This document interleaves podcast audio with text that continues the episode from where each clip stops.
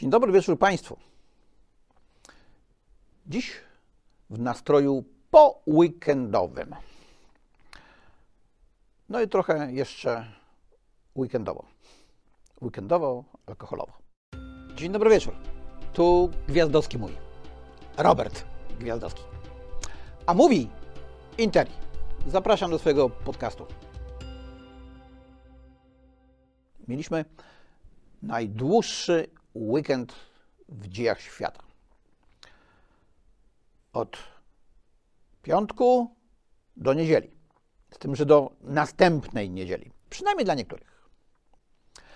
O tym, jakie znaczenie takie długie weekendy mogą mieć w ekonomii, opowiadałem w takim przedświątecznym, przedweekendowym nastroju w poprzednim odcinku. Dziś miałem mówić o czymś innym, ale o tym powiem w następnym odcinku. Dziś będzie o pijaństwie. No bo w mediach społecznościowych rozpętała się kolejna burza na temat pijaństwa. Zaczęło się wszystko niby e, od reklamy piwa. Na kanale sportowym w jednej z sieci handlowych. No i pojawiły się treści, że to skandal, że to sprzeczne z prawem. Odezwali się, a jakże obrońcy praworządności. Z tym, że istnieje spory problem. Ten problem polega na tym, że ustawy są napisane tak, że nie do końca wiadomo, czy te reklamy nie są zgodne z prawem, a nawet można było powiedzieć, że one z prawem zgodne są. Dlaczego tak się dzieje? Otóż, proszę Państwa, dlatego, że w Polsce nie mamy praworządności. Mówiłem już o tym kilka razy. Praworządność to między innymi to, że prawo musi być ogólne, czyli kierowane do wszystkich, i równe, czyli traktujące tak samo wszystkich adresatów.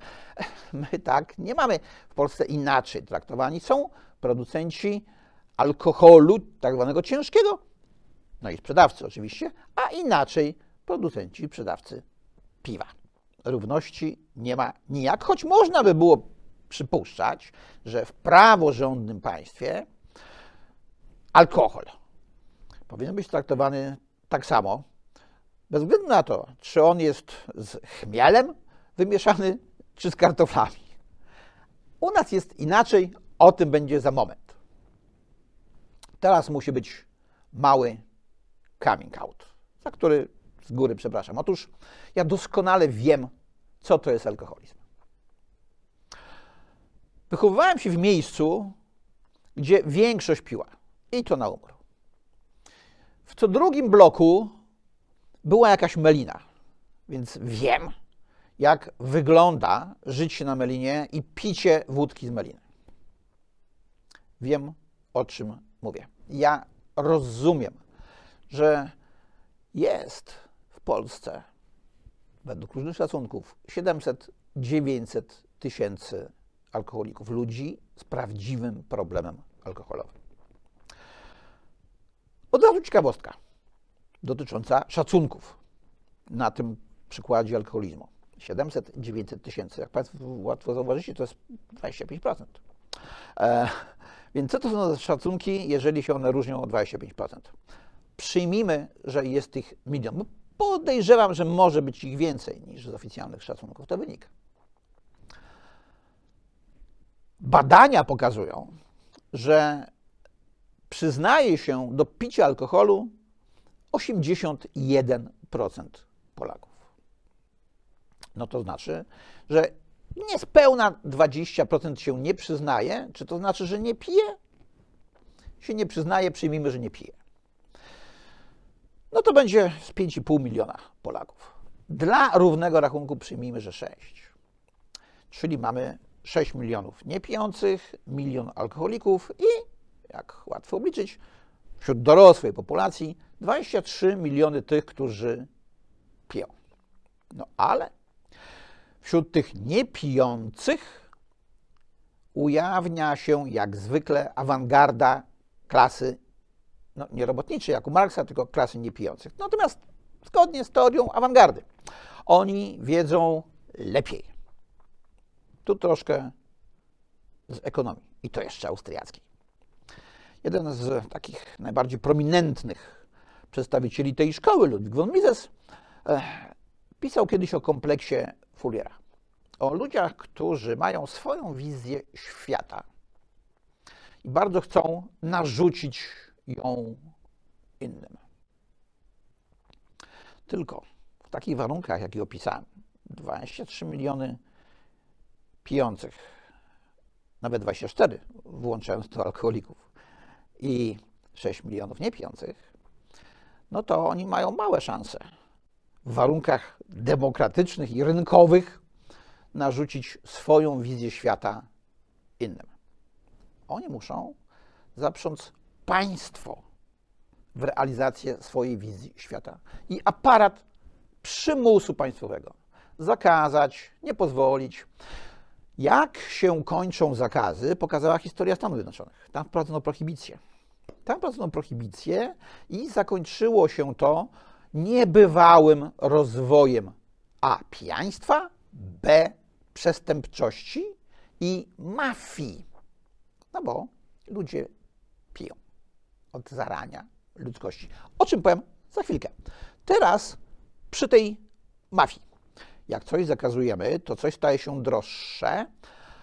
Podatki zostają w kieszeni tych, którzy nie płacą podatków, bo od nielegalnej działalności nie płaci się podatków. W związku z tym mają więcej środków, między innymi na zbrojenia. Teraz taka ciekawostka. W roku 2012 pojawił się taki coroczny raport ONZ na temat zwalczania narkomanii.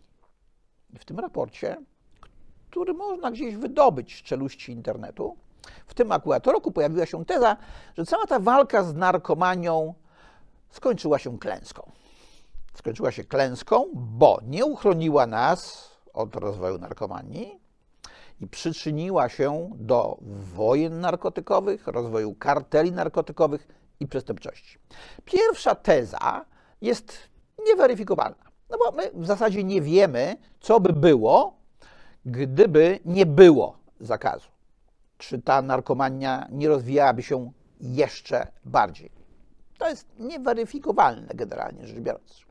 Natomiast druga teza jest weryfikowalna. Druga teza jest weryfikowalna, e, no bo rzeczywiście, e, jeżeli na nielegalnym handlu narkotykami zyski są takie, jakie są, i na pewno większe niż by były, gdyby nie było zakazów, no to są pieniądze na kupowanie broni, na korumpowanie polityków i dlatego ta mafia się bardziej rozwija. Nie ma najmniejszego powodu, by przypuszczać, że inaczej mogłoby być w przypadku alkoholu.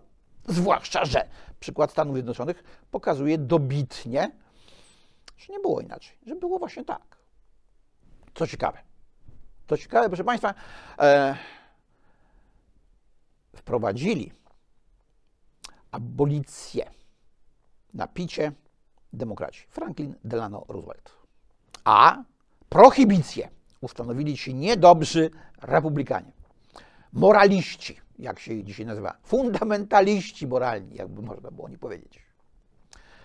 No i jest taka ciekawostka. Otóż niektórzy twierdzą, że odbicie się po wielkim kryzysie z 29 roku gospodarki amerykańskiej, gospodarka amerykańska zawdzięcza między innymi zniesieniu prohibicji, dlatego że zaczął się legalny proceder wliczać do amerykańskiego PKB. Zaczęło zarabiać państwo, wydatki przestały być tajne, więc gospodarka troszeczkę odbiła. Bardziej niż z powodu ustawy o zagospodarowaniu Doliny Tennessee i budowy mostów e, i dróg prowadzących donikąd. To jest też hipoteza nieweryfikowalna, no ale coś w tym jest. Do czterdziestki, prawie do czterdziestki, byłem abstynentem. W związku z tym, o czym mówiłem na początku. Nauczyłem się pić wino w Hiszpanii, w Barcelonie. I mogę zaświadczyć, że jak ktoś mówi, że nie ma żadnego powodu, żeby pić alkohol, i mówi to z taką moralną wyższością, to ja mu odpowiadam, że owszem, powody takie są. Po pierwsze smakowe, po drugie kulturowe. Byliśmy do takiej kolacji, były rozstawione stoliki sześciosobowe, było nas tam sporo.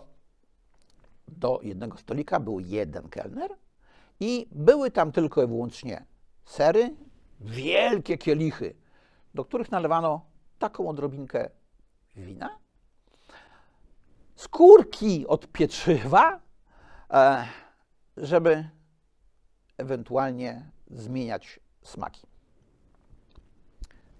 Nauczyło mnie to sporo z historii Hiszpanii. O produkcji wina, o produkcji sera. No bo to jedno z drugim się łączy. O różnych ciekawych konfliktach i różnych e, koalicjach, które powstały. Socjaliści powinni być tym bardzo ucieszeni, bo proszę sobie wyobrazić, że w latach 50. i 60. XX wieku odbudowa hiszpańskich winnic miała miejsce w spółdzielniach. Tak, w spółdzielniach. Socjaliści bardzo lubią spółdzielnie, więc powinni być e, zadowoleni z takiego przykładu. My też mamy swoją historię. Nie tylko Hiszpanie, czy Włosi, czy Amerykanie. O, tu stoi ta nasza historia. Nie ma jednego tomu jeszcze, proszę Państwa. To są alkoholowe dzieje Polski e, i tu jeszcze powinien być e, tom PRL-u, ale gdzieś mi wsiąkł. E, był najmniej ciekawy z tych wszystkich. Może dlatego, że po części mi znany osobiście, więc czytałem o czymś, o czym wiedziałem. O tych różnych rzeczach nie wiedziałem. Nasza historia, również polityczna, związana jest z piciem. Taka ciekawostka, proszę Państwa, z kroniki Galla Anonima. Mam ci ja beczułkę dobrze sfermentowanego piwa, które przygotowałem na postrzyżyny jedynego syna. Lecz cóż to znaczy taka odrobina?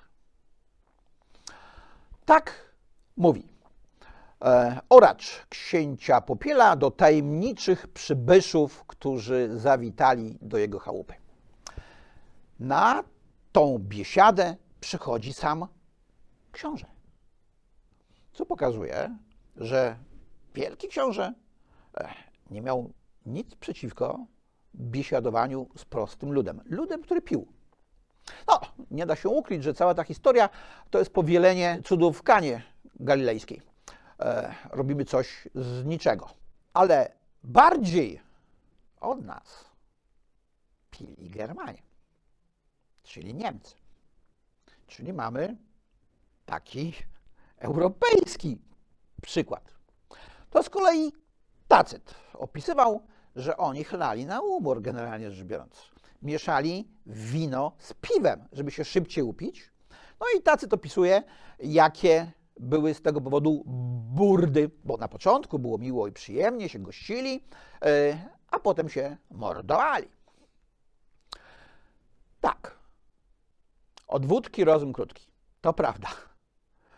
Tylko, że nigdy nie przyszło mi do głowy, by innych pouczać, wtedy jak nie piłem, że oni też pić nie powinni. Jakoś mi nigdy nie przyszło do głowy, żeby okazywać wyższość swoją nad nimi. A można nie tylko poznawać historię, politykę, geografię, ale również doznawać pewnych przyjemności kulinarnych. Jest jeden ludzki organ, który się rozwija ponoć przez całe życie. Im człowiek starszy, ten organ lepiej pracuje. I teraz taka ciekawostka. To są męskie kubeczki smakowe. Męskie. No bo wiadomo, Pan Bóg sprawiedliwy, jak inne organy funkcjonują gorzej, no to wtedy przynajmniej to wino można się nim delektować. I przy takim delektowaniu się serami, na przykład, można wchodzić w relacje, snuć różnego rodzaju opowieści. Naprawdę nie trzeba się uchrać. I teraz pytanie. Czy z tego powodu, że ten milion ludzi e, ma problemy alkoholowe, należałoby zabronić picia tym 23 milionów, którzy piją? Zwolennicy, abstynenci mówią: Nie, nie, nie, no my nie jesteśmy za y, prohibicją. My nie zakazujemy w ogóle, ale chcemy ograniczeń. Bo na przykład w takiej Szwecji to nie jest tak prosto kupić wódkę. A nie to, co w Polsce, na każdym kroku. Tylko to są zwolennicy operowania twardymi danymi statystycznymi. No i twarde dane statystyczne pokazują, że my, Polacy, pijemy tego alkoholu wcale nie tak dużo więcej niż czy Szwedzi, Finowie czy Niemcy. Czyli ograniczenie sprzedaży, jak w Skandynawii, tej przodującej socjaldemokratycznej Skandynawii, nie wpływa na obniżenie spożycia alkoholu. A jakie będą konsekwencje ekonomiczne? No więc wyobraźcie sobie, że wprowadzamy zakaz. E, ograniczamy ilość koncesji. I co się wtedy dzieje? No, trzeba komuś koncesję odebrać. Znaczy, nie przedłużyć. Jakież to jest pole do różnego rodzaju nadużyć. Kiedyś miałem takiego klienta, dla którego walczyliśmy o uzyskanie koncesji. Nie dostał tej koncesji, w związku z powyższym zrezygnował z otworzenia restauracji. Nie sklepu, tylko restauracji. No bo prowadzenie restauracji bez koncesji na alkohol to kiepski dość interes. I po jakimś czasie opowiadał, że ktoś inny wynajął ten lokal od miasta, po czym dostał koncesję. No to na pewno był przypadek, no bo przecież jakżeż to. E, organy administracji publicznej działają zgodnie z ideą państwa praworządnego i artykułem 7 Konstytucji na podstawie i w granicach prawa. Więc z całą pewnością wszystko było legalnie. Ale teraz, jeżeli mamy ograniczyć ilość koncesji na sprzedaż alkoholu, no to niektórym będziemy przedłużali, a niektórym nie. Jakie będą kryteria? Tego nie wiadomo. E, ja myślę, że będą takie same, jak w tym przypadku, który Państwu opisałem. No ale dobrze, wyobraźmy sobie, że zamknęliśmy jeden, drugi, trzeci sklep z alkoholem. No i ci ludzie muszą poszukać sobie innego zatrudnienia. No bo, jak pokazuje przykład Szwecji czy Finlandii, spożycie alkoholu się nie zmniejszy bo u nich się nie zmniejszyło. Ludzie będą kupowali gdzie indziej. Będą kupowali gdzie indziej, więc jedni, którzy będą mieli koncesję, zarobią więcej od tych, którzy przedłużenia koncesji nie dostaną. To nic nie da. Mało tego, proszę Państwa. Wchodzimy w psychologię, czyli w ekonomię behawioralną. Otóż przydałyby się badania dotyczące tego, dlaczego ludzie piją. Ja bez badań mogę powiedzieć, ale to jest anegdotyczne, to wiem po znajomych. Czasami umawiają się, żeby się upodlić, napróć, nawalić. Tak po prostu. Piją, żeby się upić. Idą na imprezę po to, żeby się upić. Ale nie zdarza się to nagminnie. Częściej jest tak, że piją do obiadu, do kolacji, zwłaszcza w weekend, zwłaszcza w długie weekendy. To są dosyć spore dochody Skarbu Państwa z tytułu akcyzy i z tytułu VAT. No, oczywiście można było powiedzieć, że jak oni by e, wydali tyle samo nie na alkohol, tylko na napoje, to ten VAT też by zapłacili, ale mniejszy. Nie dlatego, że jest mniejsza stawka VAT-u, bo jest taka sama, e, tylko dlatego, że VAT od alkoholu jest e, naliczany od ceny razem z akcyzą. Mamy więc podatek od podatku. No i teraz wyobraźcie sobie Państwo, jak my byśmy osiągnęli ten cudowny stan, który się niektórym marzy, żeby ludzie w Polsce pić przestali.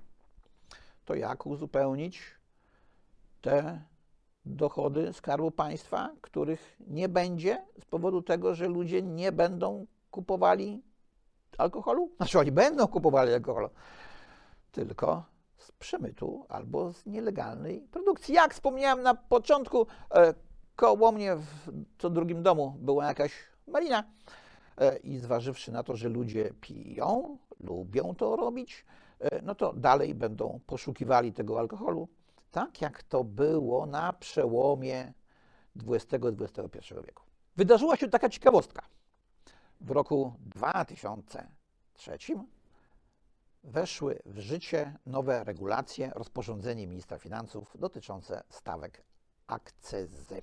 Zaczął przygotowywać je jeszcze Marek Belka, e, a podpisał e, już e, minister Kołotko, bo Marek Belka stwierdził, że nie będzie się kopał z koniem. Na jednej z konferencji w Karpaczu, jak przypomniałem to panu profesorowi Kołotko, to on w ogóle tu nie pamiętał. Sprawdziłem, rzeczywiście nie jego podpis figurował pod tym rozporządzeniem, tylko wiceministra finansów, ale to z rozpędu poleciało. Wtedy akcyza na alkohol została obniżona o 30 punktów procentowych. Punktów procentowych, nie 30%. To była drastyczna obniżka akcyzy. Co się stało?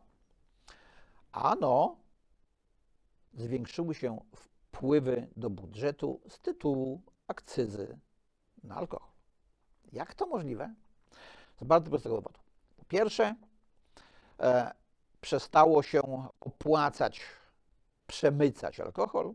Po drugie, przestało się opłacać produkować alkohol domowymi sposobami. Oczywiście bimbrownictwo się rozwinęło. No, nie będę reklamował tych znanych wyrobów z Podlasia, e, ale na wielu różnych imprezach ono stoi.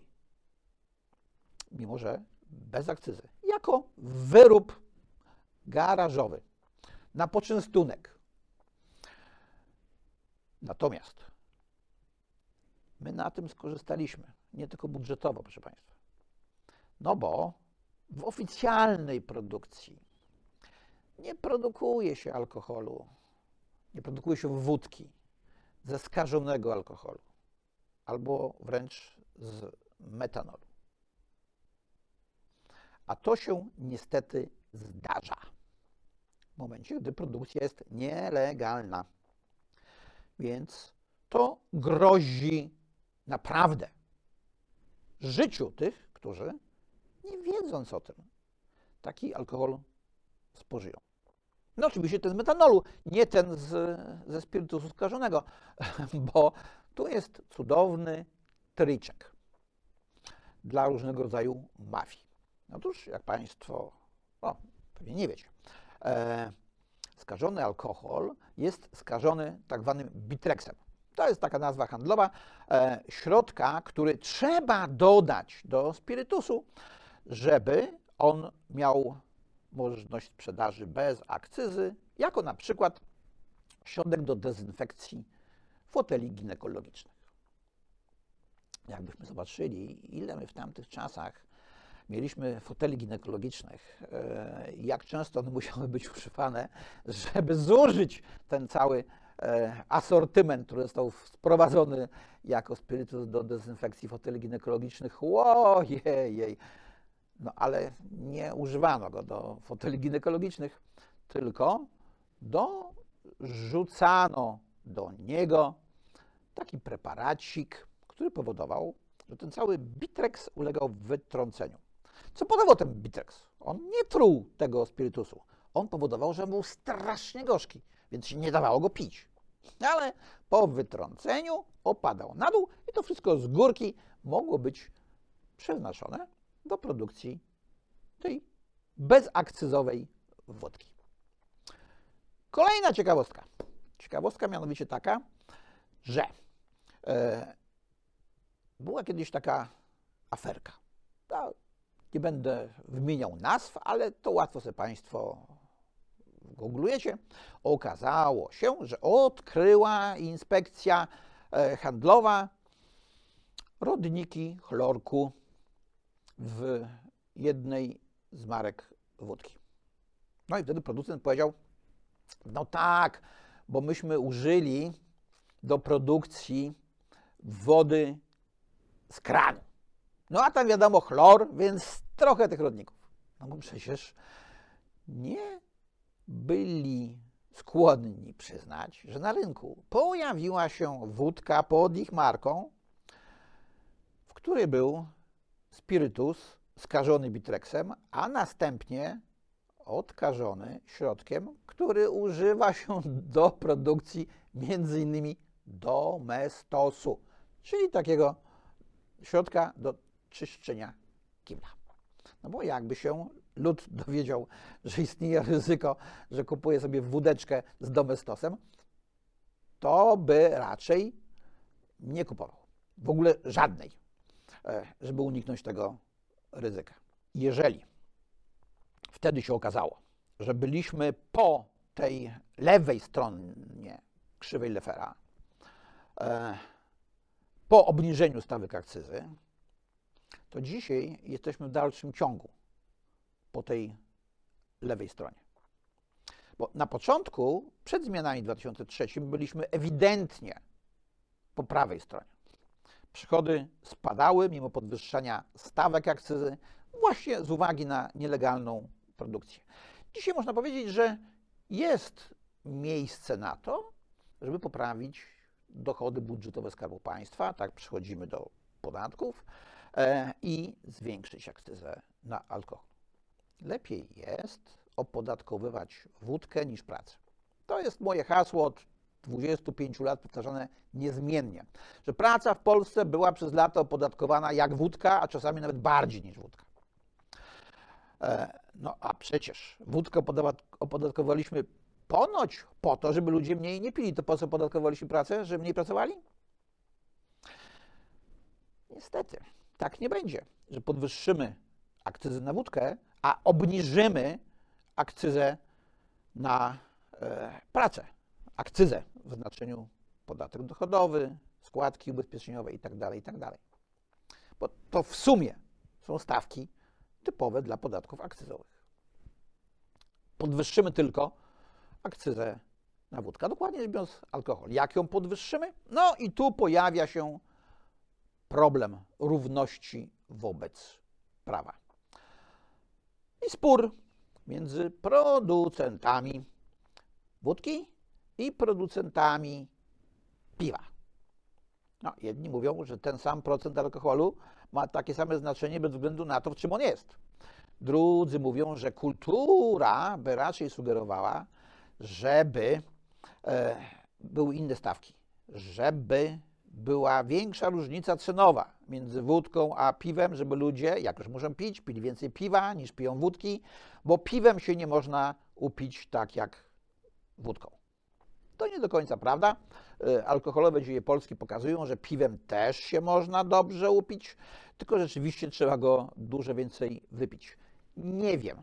Tu jest rzeczywiście pole do e, popisu dla różnego rodzaju e, teorii dotyczących metabolizmu na przykład, no i badań socjologicznych, o których wspomniałem. Po co ludzie piją? Czy piją po to, żeby się nawalić, czy piją żeby było przyjemnie. Czy piją piwo do grilla, jak to zrobiliśmy długi weekend, czy piją coś ciężkiego po to, żeby na koniec balangi być nieprzytomnymi. Tylko jest jeszcze jeden ciekawy element. Pojawiły się, proszę Państwa, głosy, które mówią, że to piwo jest za tanie i że trzeba podwyższyć jego cenę, po to, żeby ono nie było takie łatwo dostępne. No i we mnie uderzyło, bo półtora roku temu takie same tezy pojawiły się przy okazji zmian w akcyzie na papierosy. Też pojawiła się teza, że trzeba podwyższyć ceny najtańszych papierosów. No bo te droższe marki, używano takiego określenia, e, to palą bogatsi, którzy są mądrzejsi, oni sami redukują palenie, a my musimy odstręczać od palenia tych biednych, bo oni są głupsi.